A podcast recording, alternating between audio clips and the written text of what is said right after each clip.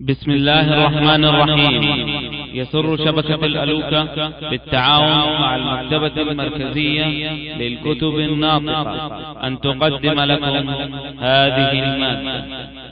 موارد الظمآن لدروس الزمان الجزء الثاني. وفي وصية الإمام علي بن أبي طالب لابنه الحسن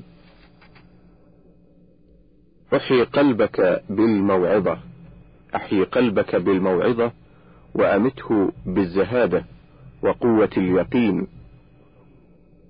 وقوه باليقين ونوره, ونوره بالحكمة وذلله بذكر الموت وقرره بالفناء وبصره بفجائع الدنيا. وحذره صولة الدهر وفحش تقلب الليالي والأيام. واعرض عليه أخبار الماضين وذكره بما أصاب من من كان قبلك من الأولين. وذكره بما أصاب من كان قبلك من الأولين. وسر في ديارهم وآثارهم. وانظر فيما فعلوا وعما انتقلوا وأين حلوا ونزلوا.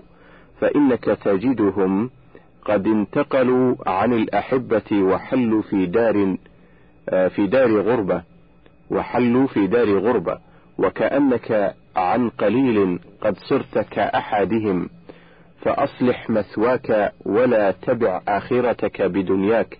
إلى أن قال يا بني أكثر من ذكر الموت وذكر ما تهجم عليه وتفضي بعد الموت إليه حتى يأتيك وقد أخذت حذرك وشددت له أزرك ولا يأتيك بغتة فيبهرك وإياك أن تغتر بما ترى من إخلاد أهل الدنيا إليها وتكالبهم عليها. فقد نبأك الله عنها ونعتت لك نفسها وتكشفت لك عن مساوئها.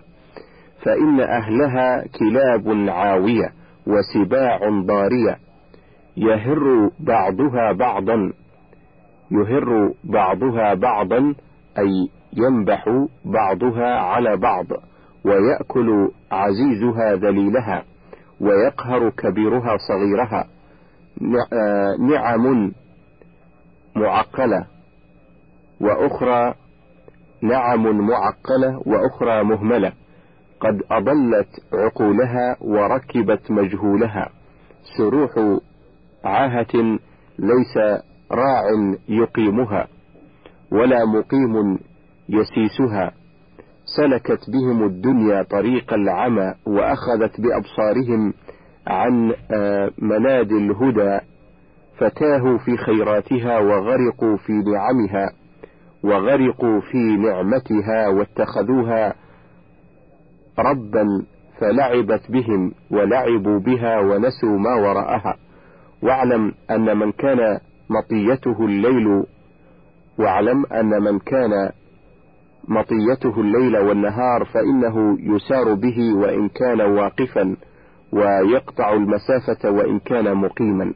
شعرا يا جامع المال إن العمر منصرم فابخل بمالك مهما شئت أو فجدي ويا عزيزا يخيط العجب ناظره. اذكر هوانك تحت الترب والتأيد. قالوا ترقى. قالوا ترقى فلان فلان اليوم. قالوا ترقى فلان اليوم منزلة. فقلت ينزله عنها لقاء غد. كم واثق بالليالي مد راحته إلى المرام فناداه الحمام قد. وباسط يده حكما ومقدرة. ورواد الموت أدنى من فم ليد. كم كم غير الدهر من دار وساكنها. لا عن عميد ثنى بطشا ولا عمد ولا عمد. لا عن عميد ثنى بطشا ولا عمد. زال الذي كان للعلياء به سند. زال الذي كان للعلياء به سند وزالت الدار بالعلياء فالسند تبارك الله كم تلقى تبارك الله كم تلقى مصائدها. هذه النجوم على الدانين والبعد. تبارك الله كم تلقى مصائدها. هذه النجوم على الدانين والبعد. تجري النجوم بتقريب الحمام لنا. وهن من قربه منها على أمد. لابد أن يغمس المقدار مديته في لبة الجدي منها أو حشى الأسد. عجبت من آمل طول البقاء وقد أخنى عليه الذي أخنى على لبدي يجر خيط الدجى والفجر أنفسنا للترب. ما لا يجر الحبل من مسد هذه عجائب تثني النفس حائرة وتقعد العقل من عي على ضمد. ما لي أسر بيوم نلت لذته. ما لي أسر بيوم نلت لذته وقد ذوى معه جزء من الجسد. لا تركنا لأتركن فريدا في التراب غدا لأتركن فريدا في التراب غدا ولو تكثر ما بين الورى عددي. ما نافعي سعة ما نافعي سعة في العيش أو حرج إن لم تسعني رحم الواحد الصمد اللهم قنعنا من الدنيا باليسير. وسهل علينا كل أمر عسير ووفقنا لما تحبه وترضاه. إنك على كل شيء قدير. وأسكننا دار كرامتك يا من هو ملجأنا وملاذنا وإليه المصير. واجعل لنا من كل هم فرجا ومن كل ضيق مخرجا. واغفر لنا ولوالدينا ولجميع المسلمين إخواننا المسلمين. ولجميع إخواننا المسلمين برحمتك يا أرحم الراحمين. وصلى الله على محمد وعلى آله وصحبه أجمعين. فصل ومما ورد في فضيلة الرجاء من الأحاديث ما في الصحيحين عن أبي سعيد رضي الله عنه عن رسول الله صلى الله عليه وسلم أن رجلا قتل تسعة وتسعين نفسا ثم ندم وسأل عابدا من عباد بني إسرائيل هل له من توبة؟ فقال لا فقتله وأكمل به مئة ثم سأل عالما من علمائهم هل له من توبة فقال ومن يحول بينك وبين التوبة. ثم أمره بالذهاب إلى قرية يعبد الله يعبد الله فيها فقصدها فأتاه الموت في أثناء الطريق فاختصمت فيه ملائكة الرحمة وملائكة العذاب. فأمر الله عز وجل أن يقيسوا ما بين الأرضين فإلى أيهما كان أقرب؟ فهو منها فوجدوه أقرب إلى الأرض التي هاجر إليها بشبر فقبضته ملائكة الرحمة وذكر وذكر أنه نأى بصدره عند الموت وأن الله تبارك وتعالى أمر البلدة الخيرة أن تقترب وأمر تلك البلد أن تتباعد. هذا معنى الحديث. وعن عبادة بن الصامت رضي الله عنه قال قال رسول الله صلى الله عليه وسلم من شهد أن لا إله إلا الله وحده لا شريك له وأن محمدا عبده ورسوله وأن عيسى عبد الله ورسوله وكلمته ألقاها إلى مريم وروح منه وأن الجنة حق والنار حق أدخله الله الجنة على ما كان من العمل. متفق عليه. وفي رواية لمسلم من شهد أن لا إله إلا الله وأن محمد رسول الله حرم الله عليه النار. وعن أبي ذر رضي الله عنه قال قال رسول الله صلى الله عليه وسلم يقول الله عز وجل من جاء بالحسنة فله عشر أمثالها أو أزيد. ومن جاء بالسيئة فجزاء سيئة مثلها أو أغفر. من جاء بالحسنة فله عشر أمثالها أو أزيد ومن جاء بالسيئة فجزاء سيئة مثلها فجزاء سيئة مثلها أو أغفر ومن تقرب مني شبرا تقربت منه ذراعا ومن تقرب مني ذراعا تقربت منه باعا ومن أتاني يمشي أتيته هرولة ومن لقيني بقراب الأرض خطيئة لا يشرك بي شيئا لقيته بمثلها مغفرة رواه مسلم. وعن جابر رضي الله عنه قال جاء أعرابي إلى إلى رسول الله صلى الله عليه وسلم فقال يا رسول الله ما الموجبتان؟ قال من مات لا يشرك بالله شيئا دخل الجنة ومن مات يشرك به شيئا دخل النار رواه مسلم. وفي حديث معاذ ما من عبد يشهد أن لا إله إلا الله وأن محمدا عبده ورسوله صدقا من قلبه إلا حرمه الله على النار. وفي حديث أبي هريرة وأبي سعيد أن النبي صلى الله عليه وسلم قال أشهد أن لا إله إلا الله وأني رسول الله. لا يلقى الله لا يلقى الله بهما عبد غير شاك فيحجب عن الجنة. رواه مسلم.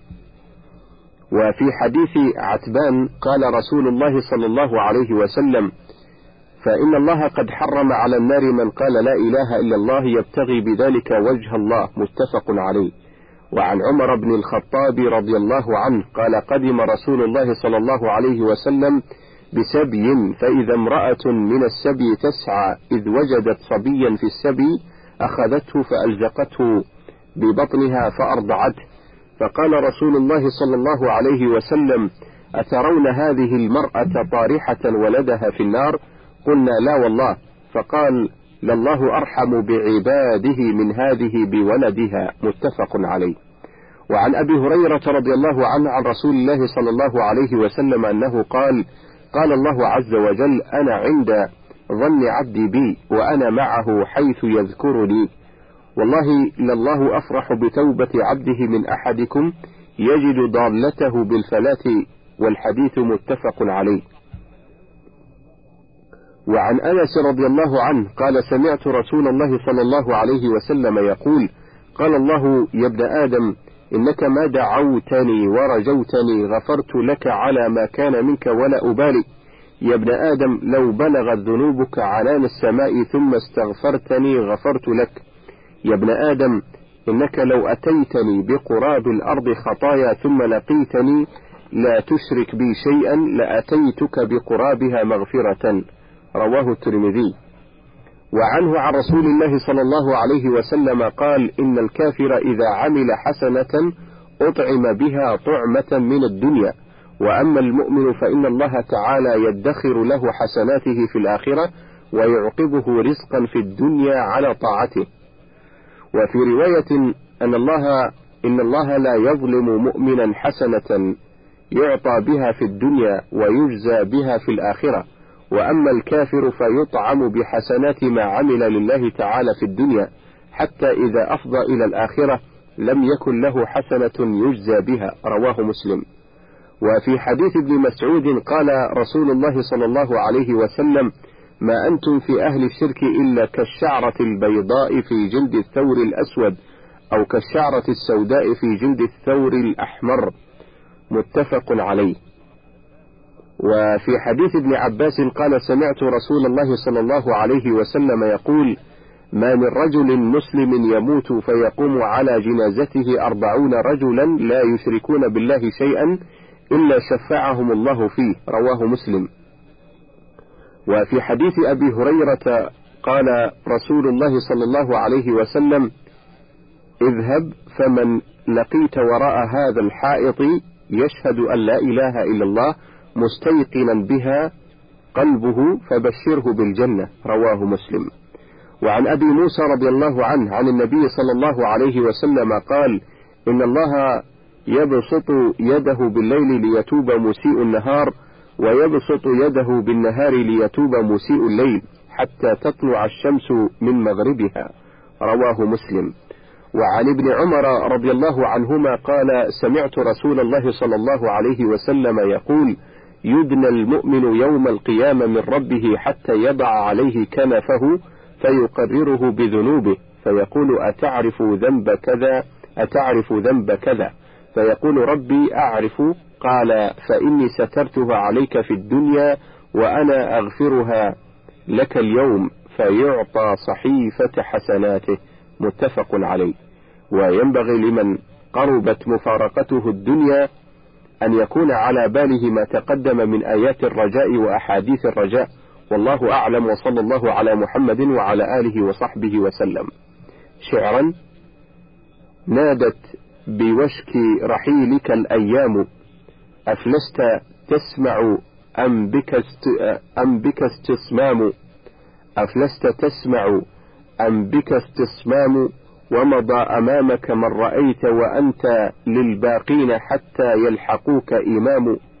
ما لي أراك كأن عينك لا ترى عبرا تمر كأنهن سهام. تأتي الخطوب وأنت منتبه لها فإذا مضت فكأنها أحلام. قد ودعتك من الصبا نزواته فاجهد فاجهد فما لك بعدهن مقام وارض المشيب من الشباب خليفة فكلاهما لك خلفة ونظام وكلاهما حجج عليك قوية وكلاهما نعم عليك جسام. ولقد غن ولقد غنت من الشباب بغبطة ولقد غنت من الشباب بغبطة ولقد كساك وقاره الإسلام. أهلا وسهلا بالمشيب مؤدبا وعلى الشباب تحية وسلام. ما زخرف الدنيا وزبرج أهلها إلا غرور كله وحطام ولرب ذي فرش ممهدة له أمسى عليه من التراب ركام ولكم رأيت محلة أقوت وكم جدث رأيت تلوح فيه عظام والموت يعمل والعيون قريرة تلهو وتعبث بالمنى وتنام فالحمد لله الذي هو دائم أبدا وليس لما سواه دوام. والحمد لله الذي لجلاله ولحلمه تتصاغر الأحلام.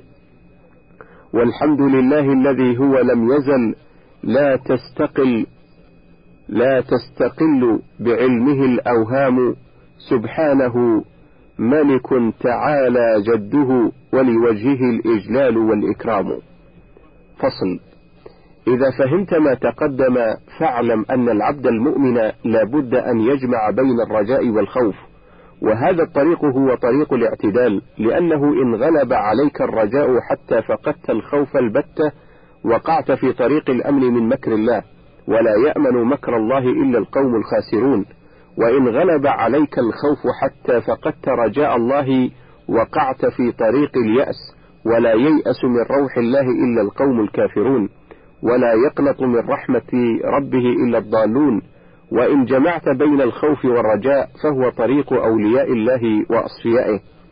قال بعض العلماء وجملة الأمر أنك إذا تذكرت سعة رحمة الله تعالى التي سبقت غضبه ووسعت كل شيء ثم أن كنت من هذه الأمة المرحومة الكريمة على الله تعالى ثم غاية فضله العظيم وكمال جوده الكريم وجعل عنوان كتابه إليك بسم الله الرحمن الرحيم ثم كثرة أياديه إليك ونعمته عليك ظاهرة وباطنة من غير شفيع أو قدم سابقة لك.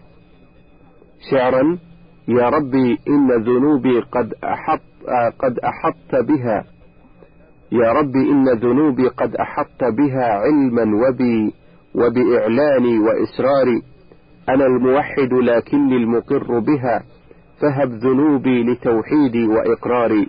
وقال آخر أيا ربي قد أحسنت عودا وبدأة إلي فلم ينهض بإحسانك الشكر فمن كان ذا عذر لديك وحجة فعذري فعذري إقراري فعذري إقراري بأن بأن ليس لي عذر.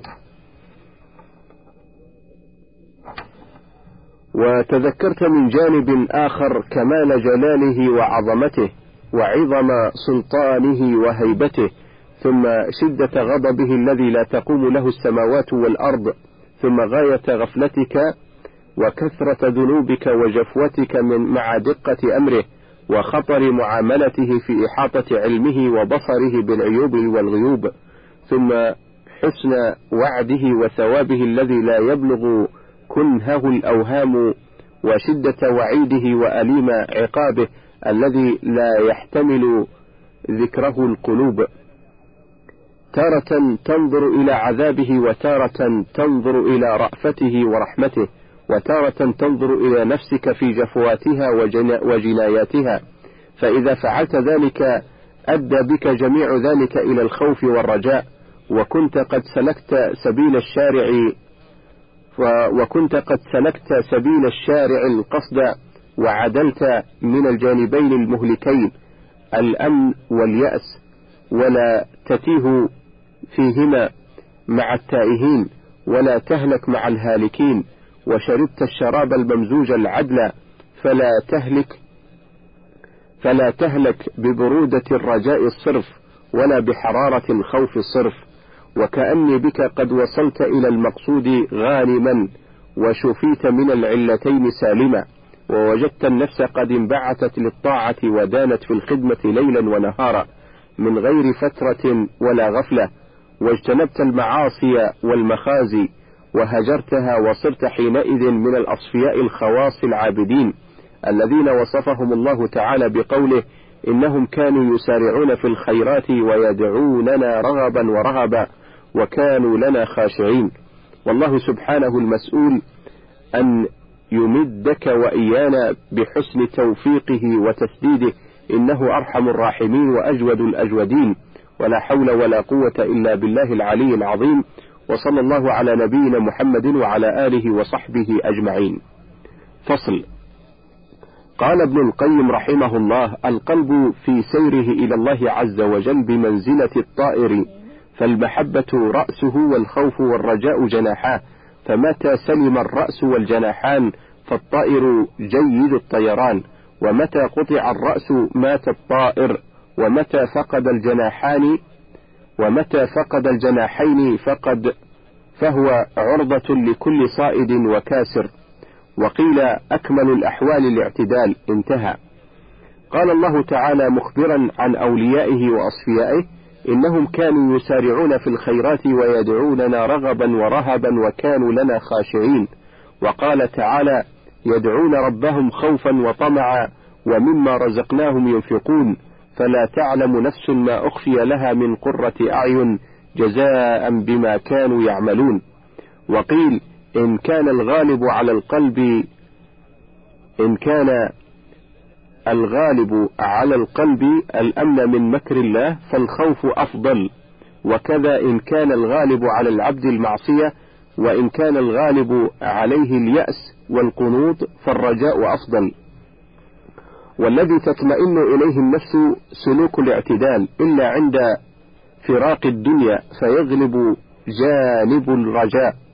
لما ورد عن جابر رضي الله عنهما أنه سمع النبي صلى الله عليه وسلم قبل موته بثلاثة أيام يقول لا يموتن أحدكم إلا وهو يحسن الظن بالله عز وجل رواه مسلم. وقال عليه الصلاة والسلام قال الله عز وجل أنا عند ظن عبدي بي وأنا معه حيث ذكرني الحديث رواه البخاري ومسلم من حديث أبي هريرة وقد رؤي بعضهم بعد موته فسئل عن حاله فأنشد نقلت إلى رمس القبور وضيقها وخوفي ذنوبي أنها بي تعثر فصادفت رحمانا رؤوفا وأنعما حباني بها سقيا لما كنت أحذر. ومن كان حسن الظن في حال موته جميلا بعفو الله فالعفو أجدر. وقال آخر يا من إليه جميع الخلق يبتهل وكل حي على رحماه يتكل. يا من نأى فرأى ما في القلوب وما تحت الثرى وحجاب الليل منسدل. يا من دنا فنأى عن أن يحيط به الأفكار طرا يا من دنا فنأى عن أن يحيط به الأفكار طرا أو, أو الأوهام والعلل. أنت الملاذ إذا ما أزمة شملت. أنت الملاذ إذا ما أزمة شملت. وأنت ملجأ من ضاقت به الحيل. أنت المنادى به في كل حادثة أنت الإله وأنت الذخر والأمل أنت الغياث لمن سدت مذاهبه أنت الدليل لمن ضلت به السبل. إنا قصدناك والآمال واقعة عليك والكل ملهوف ومبتهل فإن غفرت فعن طول وعن كرم وإن سطوت فأنت الحاكم العدل. وأخرج الإمام أحمد وابن حبان في صحيحه والبيهقي عن حيان أبي النضر قال خرجت عائدا ليزيد ابن الأسود فلقيت وائلة ابن الأسقع وهو يريد عيادته فدخلنا عليه فلما رأى واثلة بسط يده وجعل يشير إليه فأقبل واثلة حتى جلس فأخذ يزيد بكفي فأخذ يزيد بكفي واثلة فجعلهما على وجهه فقال له واثلة كيف ظنك بالله؟ قال ظني بالله حسن.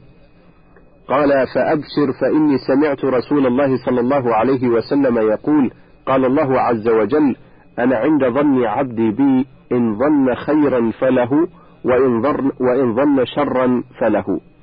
وروى الطبراني عن ابن مسعود رضي الله عنه قال والذي لا إله غيره لا يحسن عبد بالله الظن إلا أعطاه ظنه وذلك بأن الخير في يده. وروى البيهقي عن أبي هريرة رضي الله عنه مرفوعا أمر الله عز وجل بعبد إلى النار فلما وقف على شفتها التفت فقال أما والله يا ربي إن كان ظني بك لحسن أما والله يا ربي أن كان ظني بك لحسن فقال الله عز وجل ردوه أنا عند حسن ظن عبدي بي. ولما حضرت الإمام أحمد الوفاة قال لولده عبد الله اذكر لي أحاديث الرجاء وأنشد بعضهم يوبخ نفسه. أراني إذا حدثت نفسي بتوبة تعرض لي من دون ذلك عائق تقضت حياتي في اشتغال وغفلة وأعمال سوء كلها لا توافق. طردت وغيري بالصلاح مقرب. طردت وغيري بالصلاح مقرب ودون بلوغي مسلك متضايق. وكيف وزلات المسيء كثيرة؟ أيقرب أيقرب عبد عن مواليه آبق؟ إلى الله أشكو قلب سوء قد احتوى. عليه الهوى واستأصلته العلائق. ولي حزن يزداد في كل لحظة. ودمع جفوني للبكاء يسابق. فإن فإن يغفر المولى الذي قد أتيته فذاك الرجاء فذاك الرجاء والظن حينا يوافق. علامة ما يولي من الفضل إن أنا هجرت الدنا أو قلت إنك طالق. أو قلت إنك طالق. وأقبلت في تصليح أخ أخراي مدلجا أحاسب نفسي كلما ذر شارق. والله أعلم وصلى الله على محمد وآله وصحبه وسلم. فصل. قال ابن القيم رحمه الله ولا ريب أن حسن الظن بالله إنما يكون مع الإحسان فإن المحسن حسن الظن بربه أن يجازيه فإن المحسن حسن الظن بربه أنه يجازيه على إحسانه ولا يخلف وعده ويقبل توبته وأما المسيء المصر على الكبائر والظلم والمخالفات فإن وحشة المعاصي والظلم والحرام تمنعه من حسن الظن بربه وهذا موجود في الشاهد. فإن العبد الآبق المسيء الخارج عن عن طاعة سيده لا يحسن الظن به ولا يجامع وحشة الإساءة وإحسان الظن أبدا. فإن المسيء مستوحش بقدر إساءته وأحسن الناس ظنا بربه أطوعهم له. كما قال الحسن البصري إن المؤمن أحسن الظن بربه. فأحسن إن المؤمن أحسن الظن بربه فأحسن العمل وإن الفاجر أساء الظن بربه فأساء العمل. وكيف يكون محسن الظن بربه من هو شارد عنه؟ حال مرتحل. في مساخطه وما يغضبه متعرض للعنته. قد هان حقه وأمره عليه فأضاعه وهان نهيه عليه فارتكبه وأصر عليه. وكيف يحسن الظن بربه من بارزه بالمحاربة؟ وعاد أولياءه ووالى أعداءه وجحد صفات له وأساء الظن بما وصف نفسه ووصفه به رسوله صلى الله عليه وسلم. وظن بجهله أن ظاهر ذلك وظن بجهله أن ظاهر ذلك ضلال وكفر. وكيف يحسن الظن بمن يظن أنه لا يتكلم ولا يأمر ولا ينهى ولا يرضى ولا يغضب؟ وقد قال الله تعالى في حق من شك في تعلق سمعه ببعض الجزئيات وهو السر من القول وذلك ظنكم الذي ظننتم بربكم أرداكم فأصبحتم من الخاسرين. فهؤلاء لما ظنوا أن الله سبحانه لا يعلم كثيرا مما يعملون كان هذا إساءة لظنهم بربهم فأرداهم ذلك الظن. وهذا شأن كل من جحد صفات كماله ونعوت جلاله ووصفه بما يليق به فإذا ظن هذا أنه يدخله الجنة كان هذا غرورا وخداعا من نفسه وتسويلا من الشيطان. لا إحسان لا إحسان ظن بربه. فتأمل هذا الموضع وتأمل شدة الحاجة إليه. وكيف يجتمع في قلب العبد تيقنه بأنه ملاق الله وأن الله يسمع كلامه ويرى مكانه.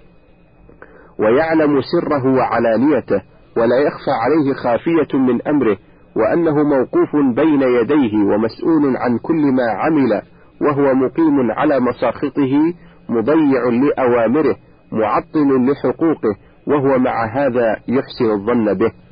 وهل هذا إلا من خدع وهل هذا إلا من خدع النفوس وغرور الأمان؟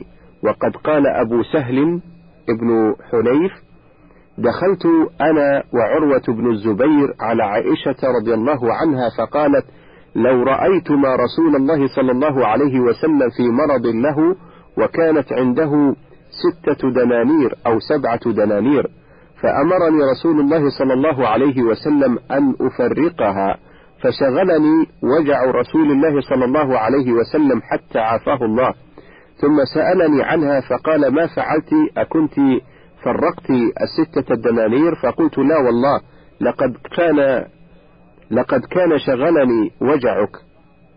قالت فدعا بها فوضعها في كفه فقال ما ظن نبي ما ظن نبي الله لو لقي الله وهذه عنده. وفي لفظ ما ظن محمد بربه لو لقي الله وهذه عنده. فيا لله ما ظن أصحاب الكبائر والظلمة بالله إذا لقوه ومظالم العباد عندهم فإن كان ينفعهم قولهم حسنا ظنوننا بك إنك لم تعذب ظالما ولا فاسقا فليصنع العبد ما شاء وليرتكب كل ما نهاه الله عنه وليحسن ظنه بالله فإن النار لا تمسه فسبحان الله. ما يبلغ الغرور بالعبد. وقد قال إبراهيم لقومه إفكا آلهة دون الله تريدون فما ظنكم برب العالمين. أي ما ظنكم به أن يفعل بكم إذا لقيتموه وقد عبدتم غيره. ومن تأمل هذا الموضع حق التأمل علم أن حسن الظن بالله هو حسن العمل نفسه. فإن العبد إنما يحمله على حسن العمل حسن ظنه بربه أن يجازيه على أعماله ويثيبه عليها ويتقبلها منه. فالذي حمله على حسن العمل حسن الظن فكلما حسن ظنه بربه حسن عمله.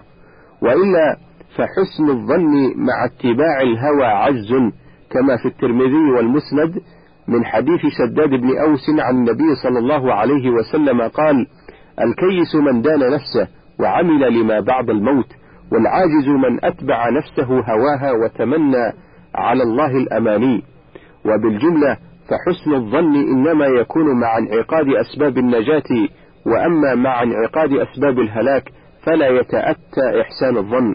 فإن قيل بل يتأتى ذلك ويكون مستند حسن الظن على سعة مغفرة الله ورحمته وعفوه وجوده وأن رحمته سبقت غضبه وأنه لا تنفعه العقوبة ولا يضره العفو.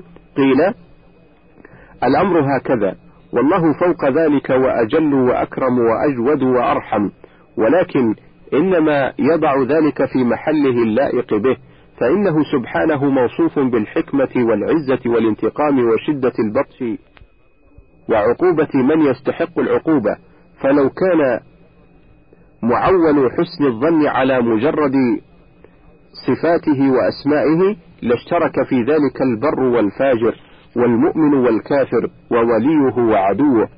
فما ينفع المجرم أسماؤه وصفاته وقد باء بسخطه وغضبه وتعرض للعنته ووقع في محارمه وانتهك حرماته. بل حسن الظن ينفع من تاب وندم وأقلع وبدل السيئة بالحسنة. واستقبل بقية عمره بالخير والطاعة ثم أحسن الظن بعدها. فهذا هو حسن الظن. فهذا هو حسن الظن. والأول غرور والله المستعان. يفرق بين حسن الظن بالله وبين الغرور به. قال الله تعالى إن الذين آمنوا والذين هاجروا وجاهدوا في سبيل الله أولئك يرجون رحمة الله. فجعل هؤلاء أهل الرجاء لا البطالين والفاسقين. وقال تعالى ثم إن ربك للذين هاجروا من بعد ما فتنوا ثم جاهدوا وصبروا إن ربك من بعدها لغفور رحيم. فأخبر سبحانه أنه بعد هذه الأشياء غفور رحيم لمن فعلها. فالعالم يضع الرجاء مواضعه والجاهل المغتر يضعه يضعه في غير مواضعه. اللهم أحينا في الدنيا مؤمنين طائعين وتوفنا مسلمين تائبين. واغفر لنا ولوالدينا ولجميع المسلمين برحمتك يا أرحم الراحمين. وصلى الله على محمد وآله وصحبه أجمعين. فصل في نماذج من أخلاق السلف رحمهم الله. من ذلك توصية بعضهم بعضا وقبولهم لها وشكرهم للواعظ لهم. ومن وصية الإمام علي بن أبي طالب لابنه الحسن قال فيها أي بني إني لما رأيتني قد بلغت سنا إني لما رأيتني قد بلغت سنا ورأيتني أزداد وهنا بادرت بوصيتي إليك وأوردت خصالا منها قبل أن يعجل بي أجلي. قبل أن يعجل بي أجلي دون أن أفضي إليك بما في نفسي وأن أنقص في رأيي كما نقصت في جسمي أو يسبقني إليك بعض غلبات الهوى وفتن الدنيا فتكون كالصعب النفور. وإنما قلب الحدث كالأرض الخالية وما ألقي فيها من شيء قبلته فبادرتك بالأدب قبل أن يقسو قلبك ويشتغل لبك لتستقبل بجد رأيك من الأمر. ما قد كفاك أهل التجارب بغيته وتجربته فتكون قد كفيت مؤونة الطلب وعوفيت من علاج التجربة فأتاك من ذلك ما قد كنا نأتيه. واستبان لك ما ربما أظلم علينا منه. واستبان لك ما ربما أظلم علينا منه. أي بني إني وإن لم إني وإن لم أكن عمرت عمر من كان قبلي فقد نظرت في أعمالهم وفكرت في أخبارهم وسرت في آثارهم حتى عدت كأحدهم بل كأني بما انتهى إلي من أمورهم قد عمرت مع أولهم إلى آخرهم. فعرفت صفو ذلك من كدره ونفعه من ضرره فاستخلصت لك من كل أمر نخيله وتوخيت لك جميله وصرفت عنك مجهوله. ورأيت حيث عناني من أمرك ما يعني الولد ما يعني الوالد الشفيق. ما يعني الوالد الشفيق. وأجمعت عليه من أدبك أن يكون ذلك وأنت مقبل العمر ومقتبل ومقتبل الدهر ذو نية سليمة ونفس صافية. وإن ابتدأك بتعليم كتاب الله وأن, وأن أبتدئك بتعليم كتاب الله وتأويله وشرائع الإسلام وأحكامه وحلاله وحرامه.